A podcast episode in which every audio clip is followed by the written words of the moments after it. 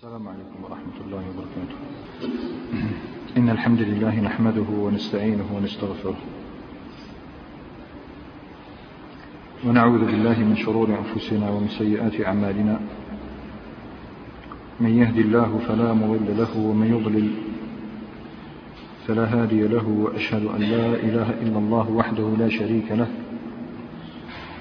وأشهد أن محمدا عبده ورسوله. صلى الله عليه وعلى آله وصحبه وسلم تسليما كثيرا. أما بعد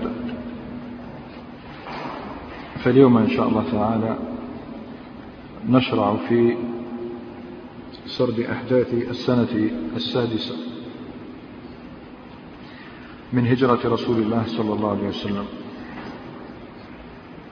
وكنا قد رأينا في المجلس الأخير انقضاء العام الخامس ورأينا أن العام الخامس قد انتهى بنصر عظيم للمسلمين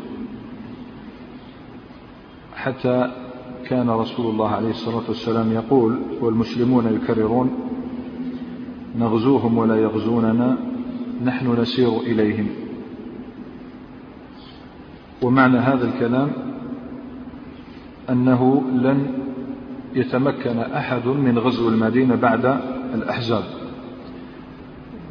وهذا فيه معلم من معالم نبوة محمد صلى الله عليه وسلم وأسدل الستار في آخر غزوة أو آخر سرية سرية في ذي الحجة. قادها عبد الله بن عتيك ورأينا كيف تمكن هو وبعض أصحابه من قتل طاغوت من طواغيت اليهود في حصنه وهو السلام بن أبي الحقيق. وكان لابد من مواصلة النشاط العسكري من الرسول عليه الصلاة والسلام حتى يضمن أولا استقرار استقرار في الجزيرة العربية ليتمكن من إيصال دعوته ونشر كلمته وهذا هو المقصود من الرسالة. حتى الجهاد لم يشرع إلا من أجل الدعوة إلى الله. فمتى وقف المشركون والمنافقون والكفار في وجه الدعوة؟ سل في وجوههم السيف ورفعت في وجوههم الرماح.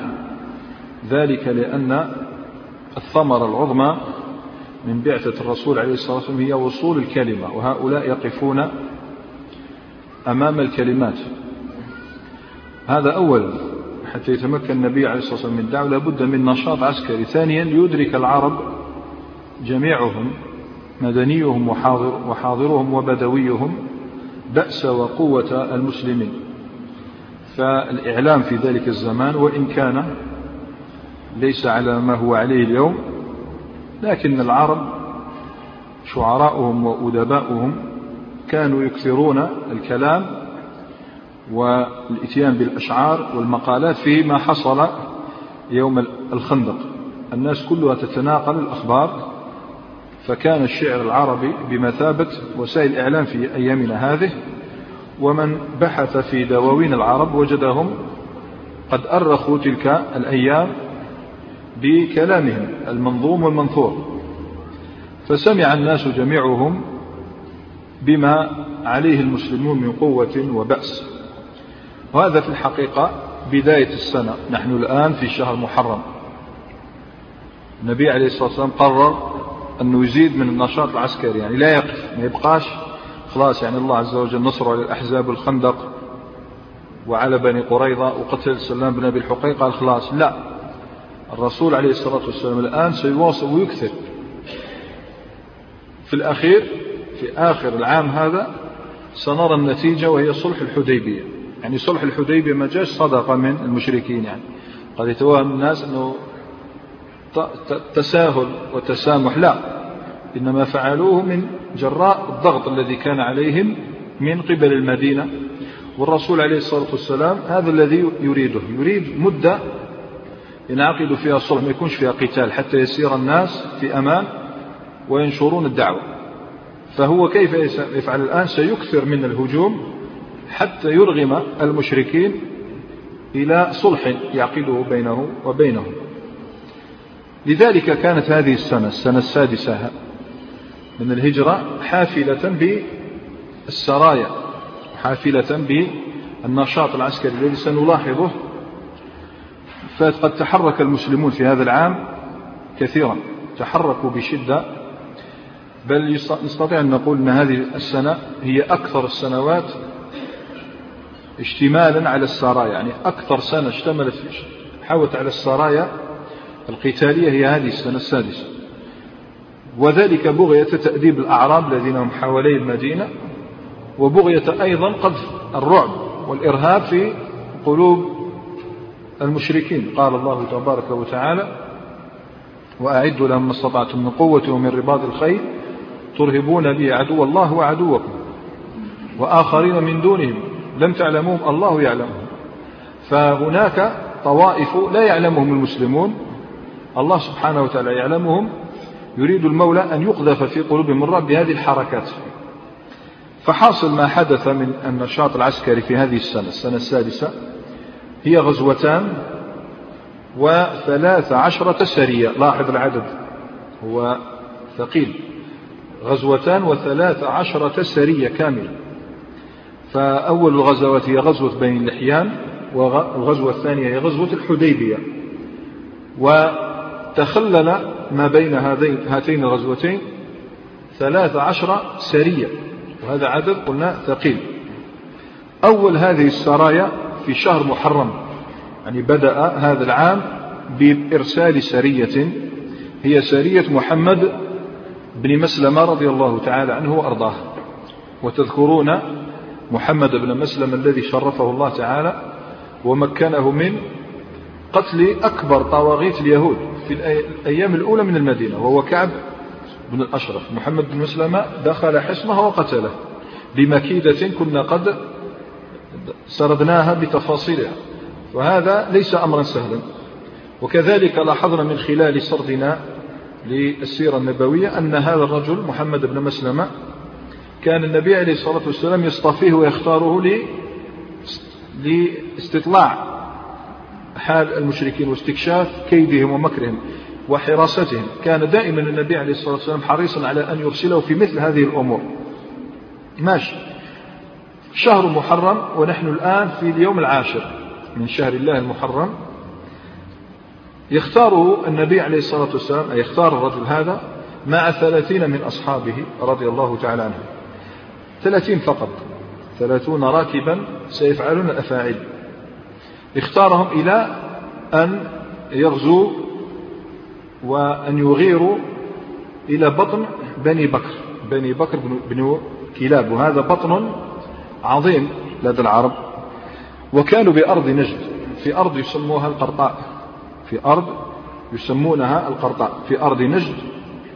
ونجد كانت دائما هي مكمن وموضع تجمع كل من يريد اغتيال الرسول عليه الصلاة والسلام. كانت تأتي من قبل نجد. الرسول عليه الصلاة والسلام أرسل إليهم ثلاثين راكبا.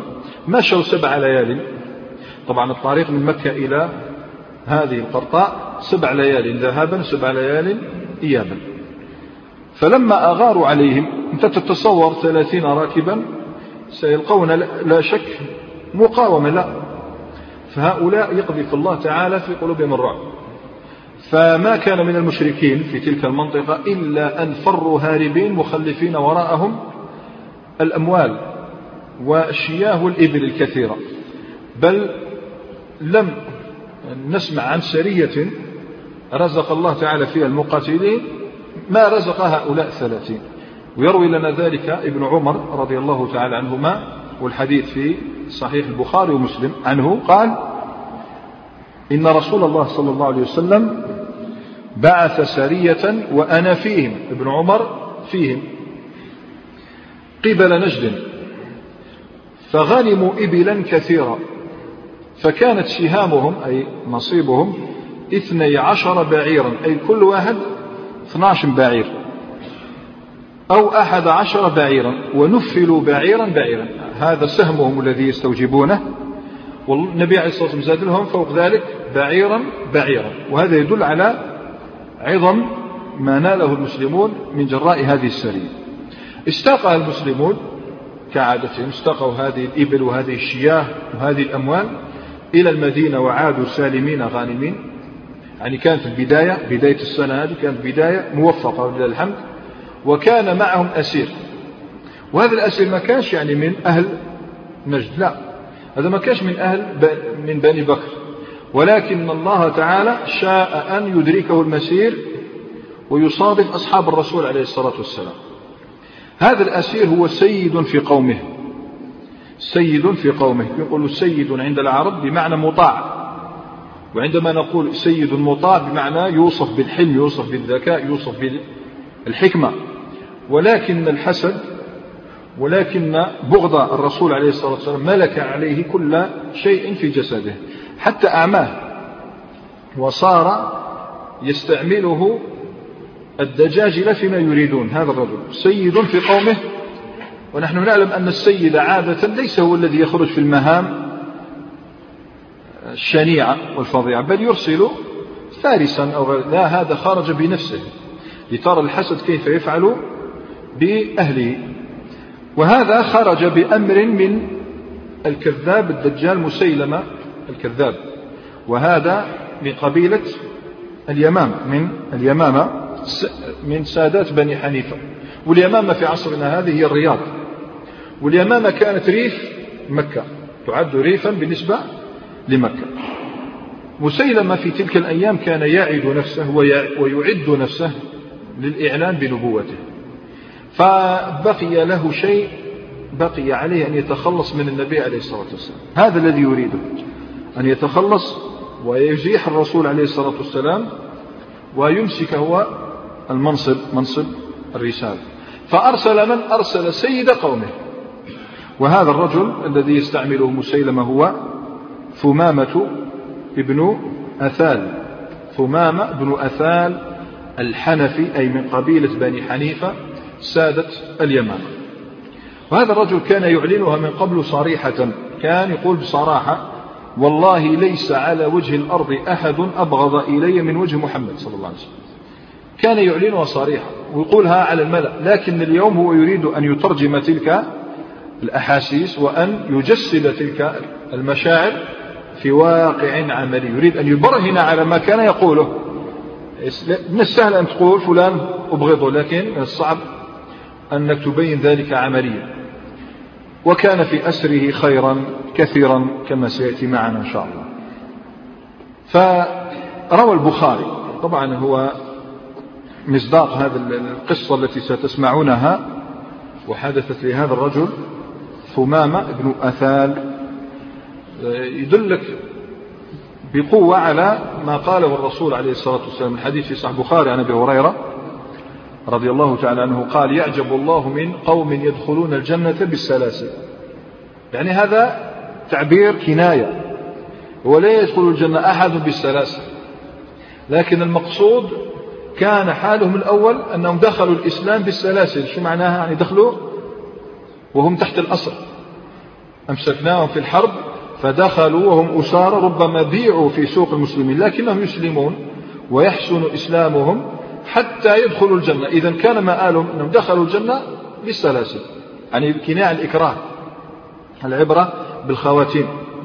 ليس العبرة بنقص البداية ولكن العبرة بكمال النهاية. شوف النهاية ونصرتهم يعجب الله من قوم يدخلون الجنة بالسلاسل ونحن نعجب من أخلاق المسلمين والنبي عليه الصلاة والسلام في تلك الأيام. نعجب من حسن معاملتهم فيما بينهم فيما بين بعضهم بعض ومع غيرهم. فحتى غير الله تعالى بحسن معاملتهم غير هذا الرجل وكثيرا من الرجال. فكيف حدث ذلك؟ الحديث في صحيح البخاري ومسلم. عن أبي هريرة رضي الله تعالى عنه قال بعث النبي عليه الصلاة والسلام خيلا قبل نجد. إذا نحن لازلنا في هذه السرية في هذه السرية سرية محمد بن مسلمة. ونحن نلاحظ أننا لا نقف على السرية نفسها. السرية تمت في رمشة عين لكن ما جاء مع هذه السرية أنهم وقفوا على أسير فانظر كيف حدث له بعث خيلا قبل نجد فجاءت برجل من بني حنيفة يقال له ثمامة بن أثاد سيد أهل اليمن. فربطوه بسارية من سوار المسجد ولك أن تسأل لماذا الرسول عليه الصلاة والسلام يريد ويتعمد أن يربطه بالمسجد. لماذا لا يربطه في بيت من بيوت المسلمين؟ لماذا لا يربطه في في فناء من أفنية الدور أو في ساحة من ساحات المدينة؟ ربطه في سرية من في سارية من سواري المسجد. تصور الآن تدخل تصلي الظهر والعصر والمغرب تصير كافر هكذا مربوط. يعني شيء لماذا؟ النبي عليه الصلاة والسلام يريد أن منه أن يسمع ويرى. الآن لازم الإنسان ينتبه الرسول يتعمد هذا. يريد منه أن يسمع أولا كلام الله كما حدث لي كثير من الناس. جبير بن مطعم شنو؟ جبير بن مطعم لما جاء جاء يريد تخليص بعض الأسرى جاء يريد تخليص بعض الأسرى. فإذا به يمر بالمسجد في صلاة المغرب يسمع الرسول عليه الصلاة والسلام يقرأ بالطور فأسلم. فالنبي عليه الصلاة والسلام يريد من هذا الرجل أن يسمع ويرى يسمع كلام الله ويرى المسلمين في ركوعهم وسجودهم يسمع تضرعهم ويرى معاملتهم فيما بينهم يرى تصافحهم يرى سؤالهم عن بعضهم بعضا يرى تزاحمهم يرى تآلفهم وغير ذلك من حسن معاملتهم. وهذا مهم جدا لأن هذا ما ينبغي أن يكون عليه المسلمون. مرت الأيام ف يعني المساجد لم تعد تعطي مثل هذه الصورة المشرقة الحية عن الإسلام. فينبغي أن يطرح المسلم كل شيء خلفه إذا دخل المسجد لأنه الرسالة هو عنوان الإسلام. يعني إذا فسدت مساجد المسلمين فغيرها أفسد. وإذا صلحت مساجد المسلمين دلت على حسن واقع وحياة المسلمين فيما بينهم. المهم الرسول عليه الصلاة والسلام يدرك يدرك صواب أفعال الصحابة فتركه في المسجد وربطه وخرج إليه. النبي عليه الصلاة والسلام يخرج إليه. فقال ما عندك يا ثمامة؟ شوفوا وقف عنده قالوا ما عندك يا ثمامة؟ فقال له الرجل عندي خير. يا محمد صلى الله عليه وسلم. يعني عندي خير. إن تقتلني تقتل ذا دم لو كان تقتلني تقتل إنسان صاحب دم وما معنى هذا؟ يمكن يحتمل كما قال العلماء كالحافظ بن حجر والنووي يحتمل أنه يقصد تقتل ذا دم أي دم ثقيل. يعني قتلت سيد في قومه. وإن ويحتمل أيضا أن يقصد تقتل ذا دم أي أنا علي دم قد قتلت دما هدرا فإن قتلتني قتلت ذا دم أي أستحق القتل فلا لوم عليك في قتلي. إن تقتلني تقتل ذا دم وإن تنعم علي تنعم على شاكر شو الكلام؟ وإن يعني تنعم شو معنى الإنعام هنا؟ يعطيه ما تأكل يعني إطلاق الصراحة. وإن تنعم تنعم على شاكر. يعني لا أنسى لك خيرك. وإن كنت تريد المال فسل منه ما شئت. طبعا في المسجد في ناحية المسجد قلنا وش كاين؟ كاين أهل الصفة وحالهم لا يخفى عليكم أطلنا في بيان حالهم جوعهم ولباسهم وغير ذلك. وهم يستمعون إلى هذا الحوار الذي دار بين النبي عليه الصلاة والسلام وبين ثمام بن أثال كانوا يتمنون يتمنون شيئا لو انتهى هذا الحوار إلى شيء يفرحهم. يعني شو يعني بلسان الحال تاعهم يعني شو يفيدنا يعني لو قتل؟ ثمام بن أثال العبارة الأولى إن تقتل تقتل ذا دم وإن تنعم تنعم على الشاكر. كذلك هذه لا تفيدنا. شو العبارة الأخرى يا مليحة شو؟ وسل من المال ما شئ. هذا الذي يفيده يقول أبو هريرة رضي الله عنه وهو يقص على حال أهل الصفة قال فجعل المساكين يقولون فيما بينهم ما يصنع بدم ثمامة؟ أبو هريرة غير دخل المدينة بعد أو يدخل في العام السابع إن شاء الله. حكاوا له كل شيء حدث لذلك لما تسمع أنا أبي هريرة مو معناه كان حاضر. يقص ما سمعه. قالوا ما يضع ما يصنع النبي عليه الصلاة والسلام بدم ثمامة. يعني لو كان يقتلوا وش استفدنا شيء ما استفدنا شيء صح؟ والله لأكلة من جزور سمينة من فدائه أحب إلينا من دم ثمامة يعني لو كان النبي عليه الصلاة والسلام يطلق صراحة ويعطي الفداء يجيب لنا جزور أي ناقة سمينة نأكلها أفضل من أن يقتل. يعني شو معناها؟ نطلبوا يودون لو ينتهي الحوار إلى فداء مو القتل ولا شيء النبي عليه الصلاة والسلام يرى وكان دائما يرى هذا أن الدنيا وما فيها وأن الدنيا بحذافيرها بجميع ما فيها أهون عنده أمام هداية رجل أو امرأة. يعني لا يسوي شيئا أمام هداية رجل واحد أو امرأة واحدة. فكيف بسيد قومه؟ النبي عليه الصلاة والسلام ينظر لبعيد. لو أسلم هذا الرجل سيسلم أهل اليمامة. فترك يقول لك فترك الرسول عليه الصلاة والسلام مقفع اسمع هذه العبارات راح وخلاه حتى كان الغد. فقال له ما عندك يا ثمامة؟ فقال ما قلت لك. شوفوا منيح ما قلت لك إن تنعم تنعم على شاكر ثم ترك. فأخرج عليه بعد الغد فقال له ما عندك يا ثمامة؟ قال عندي ما قلت لك. اختصر العبارة في أول يوم إن تقتل تقتل ذا دم وإن تنعم تنعم على شاكر وإن أردت المال فاطلب منه ما شئت. في اليوم الثاني ما قلت لك إن تنعم تنعم على شاكر. في اليوم الثالث ما قلت لك أسكت. عبارة حذف منها شيء كثير مع الأيام. في اليوم الأول كان لا يعرف النبي عليه الصلاة والسلام كان لا يعرف مصيره فذكر له ثواب العقاب. إن أردت القتل فالقتل وإن أردت الإنعام فالإنعام. وإن أردت الفداء فاضرب ما شئت. ثلاثة. في اليوم الثاني لا. ما قلت لك اذكر له غير الثواب. إن تنعم تنعم على شاكر. لماذا؟ لاحظ أن النبي عليه الصلاة والسلام ليس من شيمته أنه يريد القتل فقط. يرى أن من من شيمته الإنعام والمن. في اليوم الثالث ترك الأمر مجملا مفوضا الأمر كله إلى رسول الله عليه الصلاة والسلام لأنه يعلم أنه بجميل خلقه سيفعل ما يسره. غش مع النبي عليه الصلاة والسلام. طبعا نحن نفسر لكم هذا الكلام لأن هذا الذي أدركه الرسول عليه الصلاة والسلام. رسالة يعني شفرة شفرة يفهمها.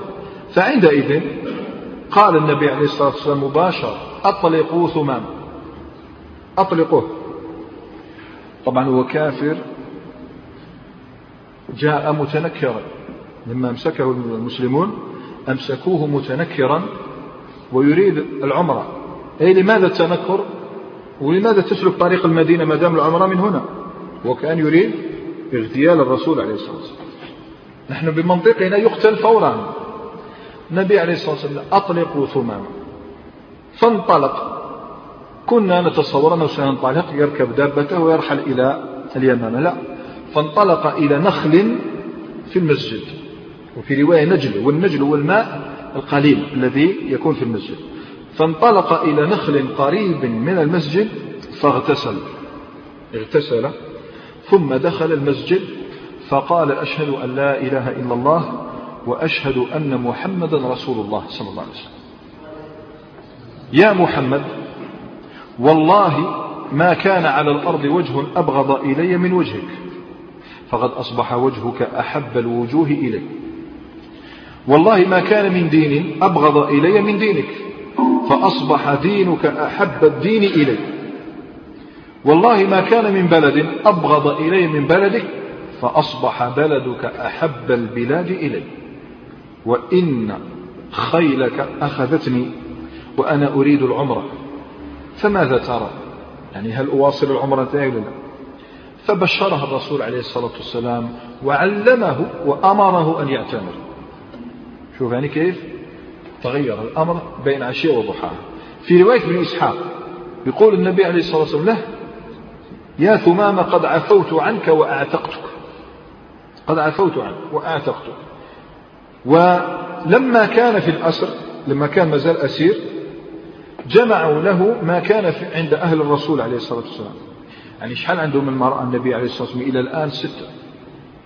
جمعوا له ما كان عند أهالي النبي عليه الصلاة والسلام من طعام ولبن فلم يقع ذلك من ثمامة موقعا مازال ما سلمش. جابوا له كاع الماكلة اللي في ديار النبي في ديار النبي عليه الصلاة والسلام. وما شبعت ولاحظ هذه العبارة. لم يقع من ثمامة موقعا كاشها كلاها ما كان ولا. كانوا ما كلا والو فلما أسلم جاءوا بالطعام فلم يصب منه إلا قليلا. كلا شوي وقت فتعجبوا. تعجبوا من ذلك.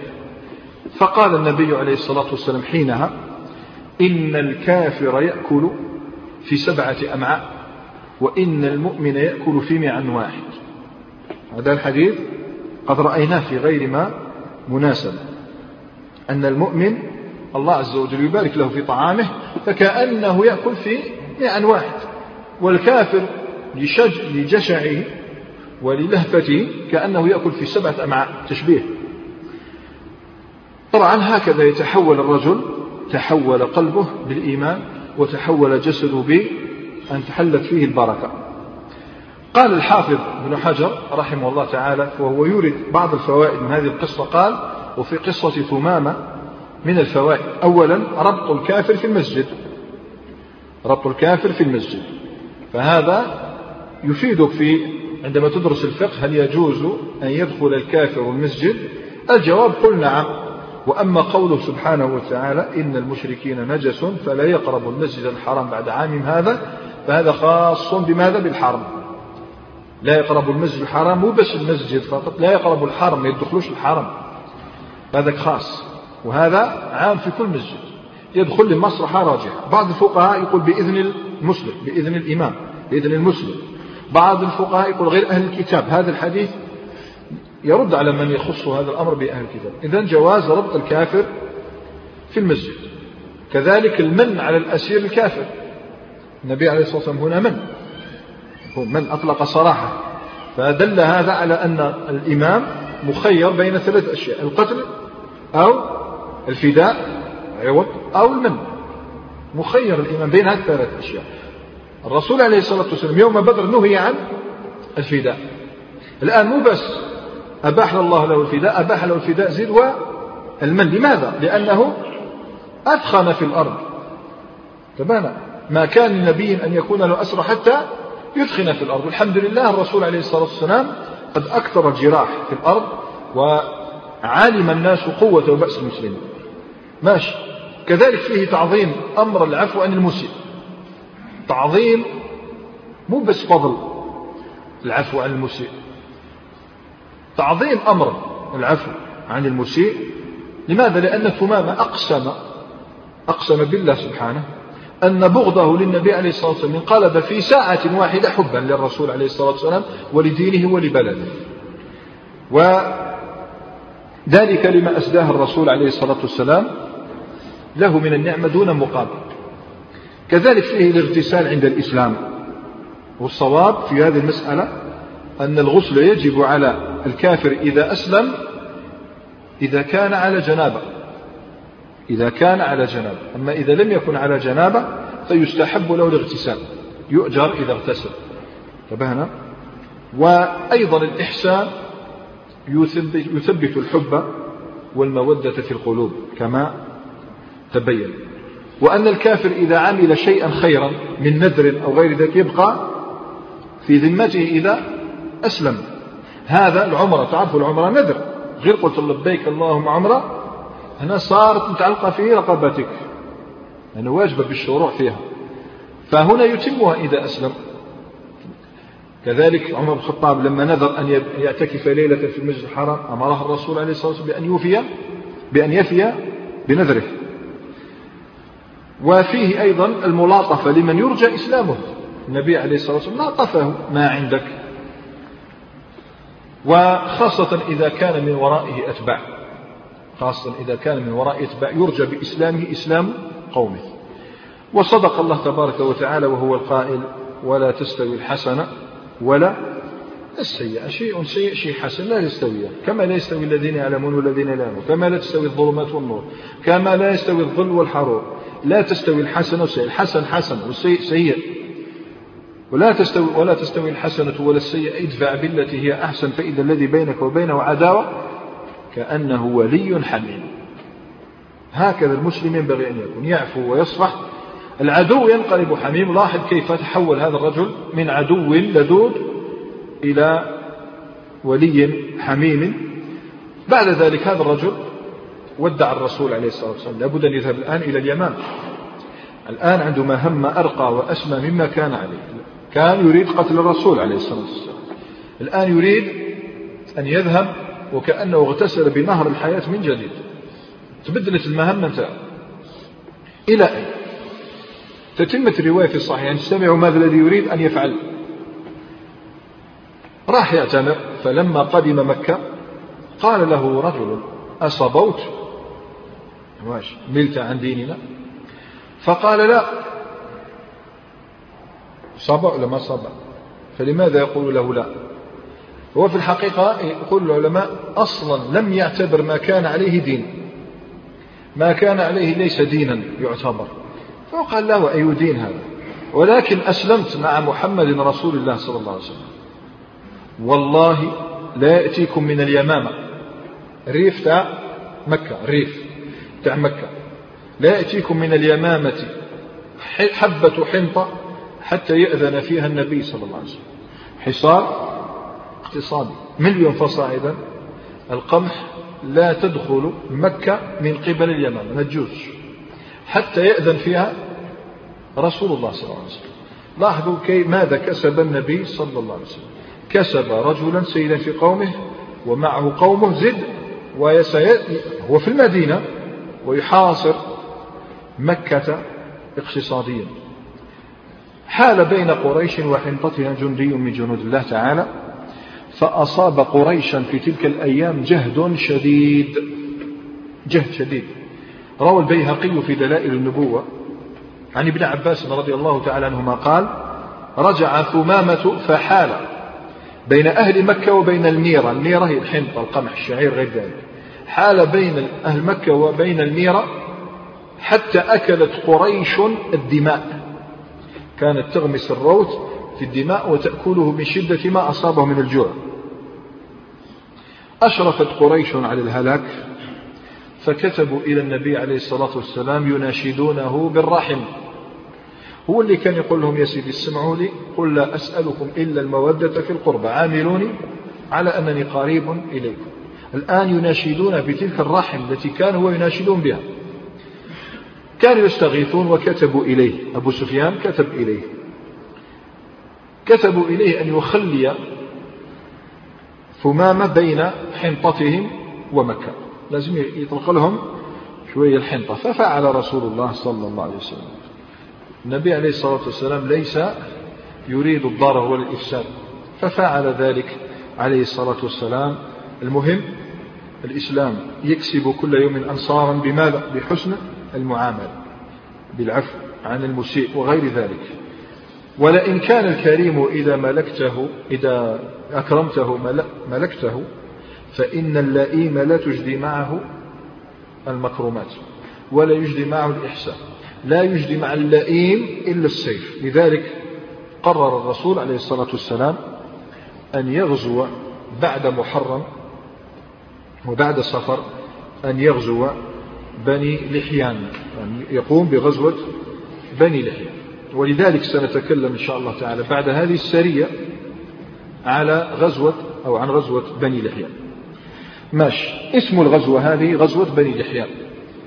نسبة إلى قبيلة من أشهر قبائل العرب. وتاريخها ومكانها تاريخها واضح. كانت في شهر ربيع الأول من العام السادس. إذا سئلت في العام السادس شهر ربيع الأول. ومكانها هو بطن غران. بطن غران بماذا يذكركم بطن غران؟ بين في نجد أيضا في أراضي نجد بين أمج وعسفان بقرب عسفان ترجع شوية لوراء تشوف باللي هنا حدثت موقعة أو قتل فيها أصحاب الرسول عليه الصلاة والسلام ببعث الرجيع. شفنا إحنا المأساة التي حدثت وهي بعث الرجيع. فوقف هناك الرسول عليه الصلاة والسلام لما وصل وترحم عليهم ودعا لهم. سبب الغزو قلت واضح. بنو لحيان قوم غدروا بخيرة أصحاب الرسول عليه الصلاة والسلام في سفر من السنة الرابعة. أشهر واحد يذكر في السير شكون؟ خبيب بن عدي. الذي قال ولست أبالي حين أقتل مسلما على أي جنب كان في الله؟ مصرعي. تذكرون تلك القصة جيدا. فعاصم بن ثابت وخبيب بن عدي وآخرون معهم قتلوا غدرا غدروا بهم. وقتلوا من قتلوا وسلموا خبيب بن عدي إلى مشركي مكة ليقتلوه وقتلوه فعلا ودعا عليهم. الشاهد الرسول عليه الصلاة والسلام الآن يريد أن يثأر وأن ينتقم من هؤلاء مع أنه خرج من قبل لضربهم ولتأديبهم إلا أنهم فروا فلم يشأ أن يلحقهم. لماذا؟ لأن هذه المنطقة هذه قريبة بزاف من مكة في ذلك تلك الأيام في تلك الأيام ما حدش يقرب لأنها أقرب دار إلى أعظم عدو وهي قريش. اليوم لا. النبي عليه الصلاة والسلام يطاردهم ويبقى في ديارهم ثلاث أيام. بقي في ديارهم ثلاث أيام ينتظر مجيء أي عدو ينازلهم. إذا إذا سئلت متى هذه الغزوة؟ فقل في العام السادس شهر ربيع الأول. سببها معاقبة بني لحيان الذين غدروا بأصحاب الرسول صلى الله عليه وسلم في العام الرابع في شهر صفر. اليوم بعد تخاذل الأحزاب وبعد انتشار الرعب في قلوب الكافرين وبعد أن تلاشى عزمهم. رأى النبي عليه الصلاة والسلام أن الوقت مناسب لهذا الثأر فخرج بجيش من جديد جنوبا إلى تلك الأرض. وهي أرض بني سليم فيها عكل وعرينة وذكوان وعصي عصت الله ورسوله صلى الله عليه وسلم. هذا من اللي كان الرسول عليه الصلاة والسلام يقنط من أجلهم شهرا. لينزل الله تعالى بهم عذابا. استخلف على المدينة عبد الله بن مكتوم. لاحظوا عبد الله بن مكتوم؟ أكثر من استخلف على المدينة إذا خرج الرسول صلى الله عليه وسلم في غزوة. وكان حامل لواء المسلمين في الحقيقة لم تذكره المصادر إلا أنهم كانوا مئتين. كانوا مئتين مقاتل. وكانت قوة العدو القبيلة كلها. رسول الله صلى الله عليه وسلم خرج في 200 مقاتل. ومكث خارج المدينة أربعة عشر يوما. وتصنيف الغزوة هجوم. الرسول عليه الصلاة والسلام قرر أن يهاجم. نتيجة الغزوة الآن بنو لحيان قبيلة عظيمة مش سهلة. خرج النبي عليه الصلاة والسلام إليهم وورى بغير هذه الغزوة. يعني أخ أخ خبى ولم يظهر أين يريد. بل أعلن في الناس أنه سيذهب إلى الشام. ولكن مع ذلك سبحان الله بلغ بني لحيان مجيء الرسول عليه الصلاة والسلام. بلغهم أنه خارج إليهم فهربوا إلى رؤوس الجبال. هربوا إلى رؤوس الجبال وبقوا هناك. فلم يقدر عليهم النبي عليه الصلاة والسلام ولم يكن قتال. ما كحت قتال؟ طبعا الحمد لله أنه لم يكن هناك قتال. لعل هؤلاء الذين كانوا سيقتلون على أيدي المسلمين يسلمون ولما لا؟ فأقام بديارهم قل ثلاث أيام وبعث السرايا ترصدهم. بعث بعض القطع من الجيش ترصد هؤلاء فلم يقدروا عليهم أيضا. ولكنهم وصلوا إلى مكان قرب مكة فسمعت قريش بخروج الرسول عليه الصلاة والسلام. هذا الذي كان يريده النبي عليه الصلاة والسلام بمثابة حرب إعلامية. أنه خرج وكاد أن يصل إليهم. المنطقة هذه لو صلى اسمها كراع الغميم. كراع الغميم قرب مكة. وعاد الرسول عليه الصلاة والسلام. خلاص دار اللي عليه. ألقى الله الرعب في قلوبهم وعاد إلى المدينة بدعاء عظيم وهو ما جاء في صحيح البخاري عن أنس بن مالك رضي الله تعالى عنه قال كنا مع النبي صلى الله عليه وسلم مقفله من عسفان أي نجد ورسول الله عليه الصلاة والسلام على راحلته. فلما أشرفنا على المدينة قاربنا المدينة قال آيبون تائبون عابدون لربنا حامدون. آيبون تائبون عابدون لربنا حامدون وهو دعاء الرجوع من السفر إذا أشرفت على المدينة. فما زال يرددها حتى دخل المدينة عليه الصلاة والسلام. آيبون بمعنى راجعون. وساجدون وتائبون وعابدون لربنا حامدون أي حامدون الله تعالى على هذا النصر العظيم. وهل تظنون أن الرسول عليه الصلاة والسلام بعد ذلك توقف؟ لا. قل ثلاث عشرة سرية ما رأينا إلا واحدة فقط. وغزوة. بقي عليك أن تنصت إلى ثنتي عشرة سرية أخرى. الآن يواصل الرسول عليه الصلاة والسلام بعث السرايا السرية الثانية. سرية عكاشة بن محصن. سرية عكاشة ابن محصن. هذه إلى الغمر. والغمر ماء لبني أسد. وبنو أسد وش داروا؟ بنو أسد سول لهم الشيطان أن ظاهروا الأحزاب يوم الخندق. ما تنسوش هذا. كأن الرسول عليه الصلاة والسلام يريد أن يعاقب كل من أسهم في غزوة الخندق. وكانت هذه الغزوة في شهر ربيع الأول. ما انقضى شهر ربيع الأول حتى أرسل النبي عليه الصلاة والسلام هذه الغزوة في أربعين رجلا. وأمر عليهم عكاش بن محصن ففر القوم. شوف غير الفرار. ففر القوم وأصاب المسلمون مئتي بعير مئتي بعير ساقوها إلى المدينة. الآن الرصيد تاع المسلمين وغير يكثر. ثالثا أو السرية الثالثة سرية محمد بن مسلمة دائما. محمد بن مسلمة رضي الله عنه مرة أخرى. لكن هذه المرة جرت الرياح بما لا تشتهي السفن مع هذا الصحابي الجليل. هذه المرة أرسلهم النبي عليه الصلاة والسلام إلى ديار بني ثعلبة. إلى ديار بني ثعلبة قوم معروفون بالغدر. في مكان اسمه ذو القصة. كانت أيضا في شهر ربيع الأول. لا يمتنع اجتماع سريتين في شهر واحد بل في يوم واحد. لأن السرية يؤمر عليها فلان ويرسل السرية الثانية يؤمر عليها فلان ويرسل. ربما خرجت السريتان في وقت واحد هذا لا مانع منه. خرج محمد بن مسلمة في عشرة رجال فقط. عشرة رجال يعني عدد قليل جدا. فتخبأ لهم العدو في طريقهم. تخبأ لهم العدو فلم يروهم. فلما نام الصحابة أغار عليهم العدو فقتلوهم. ولم ينجو إلا محمد بن مسلم رضي الله عنه. أفلت منهم جريحا ولحق بالمدينة بشق الأنفس. هذه سيثأر لها النبي عليه الصلاة والسلام. سرية الرابعة سرية أبي عبيدة بن الجراح رضي الله عنه. إلى أين؟ إلى المكان الذي غدر فيه بأصحاب الرسول عليه الصلاة والسلام. إلى تلك المنطقة التي قتل فيها أصحاب محمد بن مسلم. إلى ذي القصة. وكانت في شهر ربيع الثاني. انقضى ربيع الأول دخل ربيع الثاني يلا. فأرسل النبي عليه الصلاة والسلام هذه السرية وهي سرية أبي عبيدة بن الجراح فخرج ومعه أربعون رجلا. أربعون رجلا يصلون لا بد عليهم أن يصلوا إلى ذي القصة. فساروا على أقدامهم فساروا على أقدامهم ليلا حتى أغاروا عليهم صباحا.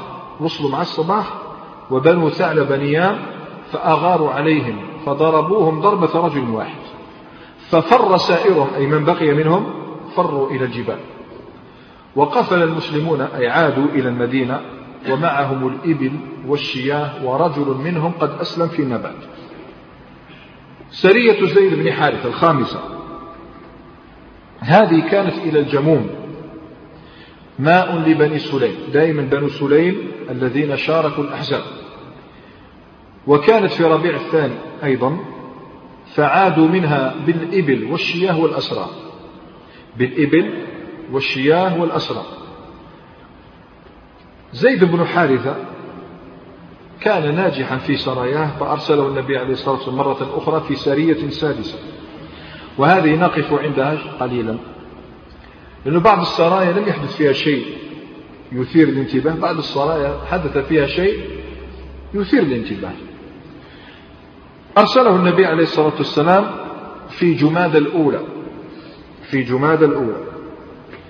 وكان عدد الذين خرجوا معه سبعين ومائة مئة وسبعين راكب وهنا شاء الله تبارك وتعالى أن يلتقي زيد بن حارثة ختن النبي عليه الصلاة والسلام.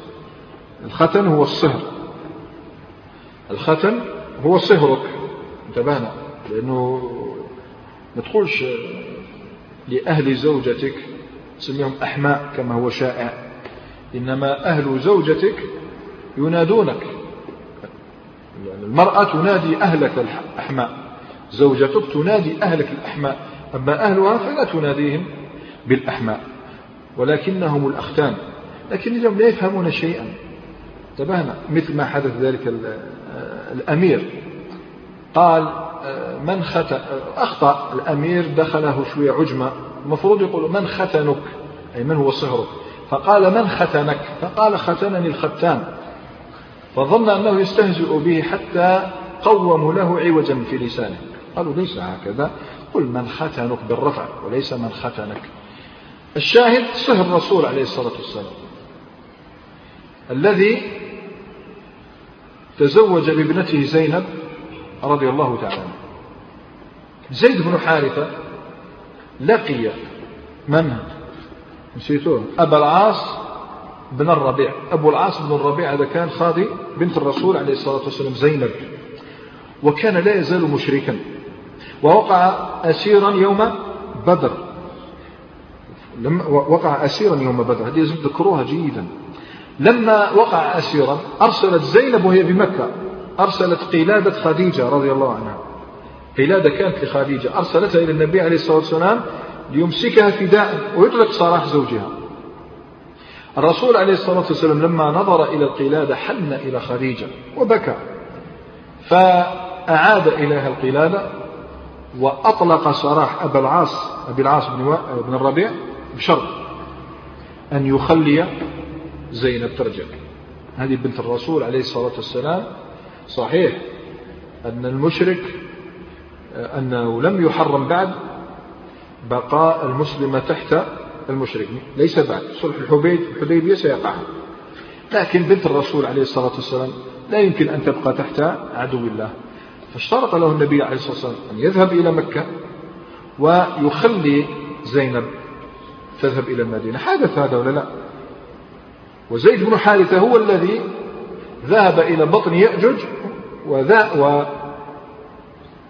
وأرجع زينب إلى المدينة. الآن يلتقي معه مرة أخرى زيد بن حارثة في هذه السرية إلى أين يا أبا العاص؟ كان على رأس قافلة. قافلة هي عير لقريش. تحمل أموالهم تحمل ذهبهم تحمل تجارتهم. كان ذاهبا بها.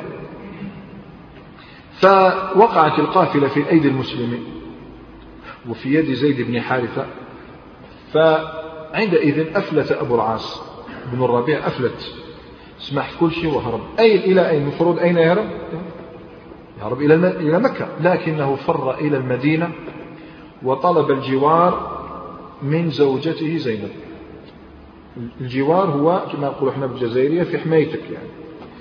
في حمايتك يعني أدخل في حمايتك فطلب الجوار من زينب فأجاز النبي عليه الصلاة والسلام جوارها وهذا دليل على قبول جوار المرأة. جوار المرأة أيضا مقبول في الإسلام وسيأتي معنا أيضا في غزوة الفتح جوار أم هانئ. فقبل النبي عليه الصلاة والسلام جوارها إيه ماذا يريد هذا الرجل؟ ما الذي يريده زوجته تعودين إليه؟ هي لا تزال زوجته مفهوم؟ هي لا تزال زوجته. لا تزال زوجته. لكن ماذا يريد؟ طلب منها أن تسأل الرسول عليه الصلاة والسلام أن يعيد له القافلة. فهي أموال وودائع لا بد أن يردها إلى أهلها في مكة. يعني يقع في ورطة عن بالك راك في الإسلام. ترجع لمكة قال أخذوها منك الغرامة حرام. لا. أهل مكة ما يعرفوش هذه الغرامة حرام. لا بد أن يرد الودائع. فطلب من زينب أن تحدث الرسول عليه الصلاة والسلام في أن يعيد له قافلة فأعادها له. يلا. وكان من وراء هذا خير. عاد أبو العاص بن الربيع إلى مكة ورد الودائع إلى أهلها وهاجر إلى المدينة وأسلم. سبحان الله. شوف يعني الإحسان اليوم يوم الإحسان. كان يوم العين كان يوم الشجرة اليوم يوم الإحسان. النبي عليه الصلاة والسلام أحسن إلى هذا الرجل أيضا. رد الودائع نعم عاد إلى المدينة وأسلم. وهل ترجع له زوجته؟ نعم. وهل لابد من عقد جديد؟ لا. تبقى على ما كانت عليه معه. جاء في سنن أبي داود وغيره عن ابن عباس رضي الله تعالى عنه قال رد رسول الله صلى الله عليه وسلم ابنته زينب على أبي العاص بالنكاح الأول. لم يحدث شيئا. قال الحسن بن علي رضي الله عنه كان ذلك بعد سنتين. صح ولا لا؟ بعد سنتين. فرقة سنتين لم تنزل آية الممتحنة. لو نزلت آية الممتحنة لا لابد من إجراء عقد جديد. أما لو أسلم في العدة فتبقى على ما كانت عليه. المهم هذه السرية فيها خير. رجع زيد يعني كما نقول إحنا بعث في سرايا كثيرة فأراد النبي عليه الصلاة والسلام أن يبعثه مرة أخرى. سرية زيد أيضا. هذه المرة أرسله في جماد الثانية. لاحظ أننا نمشي مع الأشهر. محرم بعدين صفر خالي من السرايا. بعدين ربيع آه، آه، ربيع الأول ربيع الثاني جماد الأولى الآن جماد الثانية. أرسل النبي عليه الصلاة والسلام زيد بن حارثة إلى الطرف. مكان اسمه الطرف. في خمسة عشر رجلا إلى بني ثعلبة مرة أخرى. هؤلاء الخونة فوجدهم قد فروا تاركين خلفهم عشرين بعيرا. رجع بها. بعد هذه السرية أرسل النبي عليه الصلاة والسلام سرية أخرى وعلى رأسها زيد بن حارثة أيضا. وهذه المرة إلى وادي القرى. وادي القرى هذه مدائن قريب من مدائن صالح عليه السلام. قريب من مدائن صالح. وأرسله في جمادة الثانية أيضا بمجرد ما رجع خرج مرة أخرى وهذه المرة خرج في 12 راكبا 12 واحد فقط لاستكشاف حركة العدو. جاءهم خبر بأن العدو يتحرك فخرجوا لاستكشاف ذلك. ففوجئوا بالأعراب يهاجمونهم الأعراب هاجموهم وقتلوا تسعة من الصحابة. قتلوا تسعة من الصحابة لم يفلت إلا ثلاثة. منهم زيد بن حارثة رضي الله عنه. والآن نقف قليلا أمام السرية عددها التاسعة. سرية الخبط. مش الخباطية هي كلها يسرى فيها خباط. سرية الخبط. هذه السرية كانت في رجب من العام السادس. احفظوا هذا جيد. كانت في العام السادس في شهر رجب وليس في العام الثامن. لماذا شاع لدى بعض أهل السير أنها حدثت في العام الثامن وليس ذلك بصحيح؟ وثمرة معرفة الصواب في هذه المسألة هو أن الجمهور يستدلون على جواز بدء القتال في الأشهر الحرم بسرية الخبط قالوا ها الرسول عليه الصلاة والسلام أرسل سرية ابتداء بدء قتال كان ينوي البدء بقتال في شهر الله محرم وهو رجب. قالوا فدل ذلك على جواز البدء بقتال في الأشهر الحرم والصواب أن البدء بالقتال في الأشهر الحرام محرم. تبان ولا محل الصيد يا أيها الذين آمنوا لا تحلوا شعائر الله ولا الشهر الحرام. لكن إذا علمت أن هذه السرية كانت في العام السادس زال الإشكال. لأن التحريم جاء فيما بعد. إذا فلا دليل على ذلك. لماذا سميت بغزوة الخبط؟ آه بسرية الخبط. المسلمون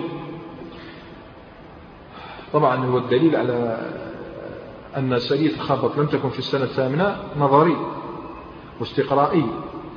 بعد غزوة بعد صلح الحديبية لم يثبت أن الرسول عليه الصلاة والسلام آه، ترصد عير قريش أبدا. خلاص بيناتهم صلح. يخون وهذه الغزوة ستسمعون جابر بن عبد الله يقول لكم أرسلنا نرصد عيرا لقريش. فيستحيل أن تكون هذه الغزوة في السنة الثانية. خرجوا في هذا الشهر وعددهم ثلاثمائة راكب ثلاثمائة راكب. وعلى رأسهم أمين هذه الأمة أبو عبيدة ابن الجراح رضي الله تعالى حيث تمر قافلة لقريش. ستمر قافلة لقريش بالساحل. تأتي من الشام وتمر بالساحل في مكان يدعى سيف البحر. ونسنكمل إن شاء الله تعالى هذه السرية بعد. الحج بن الجراح رضي الله تعالى عنه وأرضاه. أمره رسول الله عليه الصلاة والسلام على ثلاثمائة راكب من المسلمين. إلى أين يذهبون؟ قلنا إلى مكان هو تابع لبني جهينة بالساحل يسمى سيف البحر. أي كان المفروض أن تسمى هذه الغزوة غزوة جهينة غزوة سيف البحر. ماشي يجوز تسميها بهذين الاسمين نسبة إلى المكان أو نسبة إلى العدو. لكن سمي سميت هذه الغزوة بغزو آه، سرية الخبر لما حدث فيها. حيث لقي المسلمون من الجوع الشديد ما لقوه حتى أكلوا هذا الخبط وهو ضرب من الورق ورق الشجر. والحديث رواه البخاري ومسلم عن جابر بن عبد الله رضي الله تعالى عنهما قال بعثنا رسول الله صلى الله عليه وسلم ولابد من الاستماع إلى هذا الحديث جيدا لما فيه من العبر يبين لك أصناف الرجال ثانيا يبين لك كيف يكرم الله عز وجل أمثال هؤلاء الرجال. يقول بعثنا رسول الله صلى الله عليه وسلم ثلاثمائة راكب. أميرنا أبو عبيدة ابن الجراح نرصد عيرا لقريش. هذا النص دليل على أنها حدثت قبل الحديبية. قال وزودنا من؟ رسول الله صلى الله عليه وسلم. الزاد نتاعهم لاحظوه. وزودنا جرابا. جرابا. يعني كما إحنا نقولوا كيس. وزودنا جرابا من تمر فقط. الإنسان إذا ذهب في رحلة يوم أو يومين أو أقل من ذلك يتنزه ويرتاح يأخذ أكثر من هذا. كل هذا الجيش 300 راكب يعطيهم كيسا من من التمر فقط. لم يجد لنا غيره. فكان أبو عبيدة رضي الله تعالى عنه يعطينا تمرة تمرة كل فارس تمرة في اليوم تمرة في النهار. قال الراوي عن جابر قلت كيف كنتم تصنعون بها؟ تمرة؟ كيف كنتم تصنعون بها؟ فقال نمصها كما يمص الصبي. ما ناكلوهاش؟ نمصها كما يمص الصبي. ثم نشرب عليها الماء فتكفينا يومنا إلى الليل. شوف زهد الصحابة رضوان الله تعالى شوف شدة ما كانوا عليه والخشونة التي كانوا عليها. فتكفينا يومنا إلى الليل. فأقمنا بالساحل نصف شهر. فأصابنا جوع شديد. جوع شديد. حتى أكلنا الخبط. هنا وصل وصلوا إلى أن صاروا يأكلون الورق. وكنا نضرب بعصينا الخبط ثم نبله بالماء فنأكله. يمسكوه يطيح هذاك الورق يشمخوه بالماء ويأكلوه. وهذا هو طعامه. فسمي ذلك الجيش جيش الخبط. بعض الروايات أن أحدهم كان إذا تغوط نزل منه ما ينزل من البعير. بعرات حشيش كلها حشيش. هذا هو أكلهم. فألقى لنا طبعا سمي ذلك الجيش جيش الخبط فألقى لنا البحر دابة يقال لها العنبر. وفي رواية قال وانطلقنا في الساحل فرفع لنا أو فرفع لنا البحر كهيئة الكثيب. الكثيب هي الهضبة من الجبل مثل الجبل. كهيئة الكثيب الضخم. فأتيناه فإذا هي دابة تدعى العنبر. هذا الذي هو معروف اليوم باللابالين فالدابة هذه تاع العنبر ميتة ليست صيدا بل هي ميتة لا ندري. فالعنبر هذا نوع من أنواع الثدييات في البحر.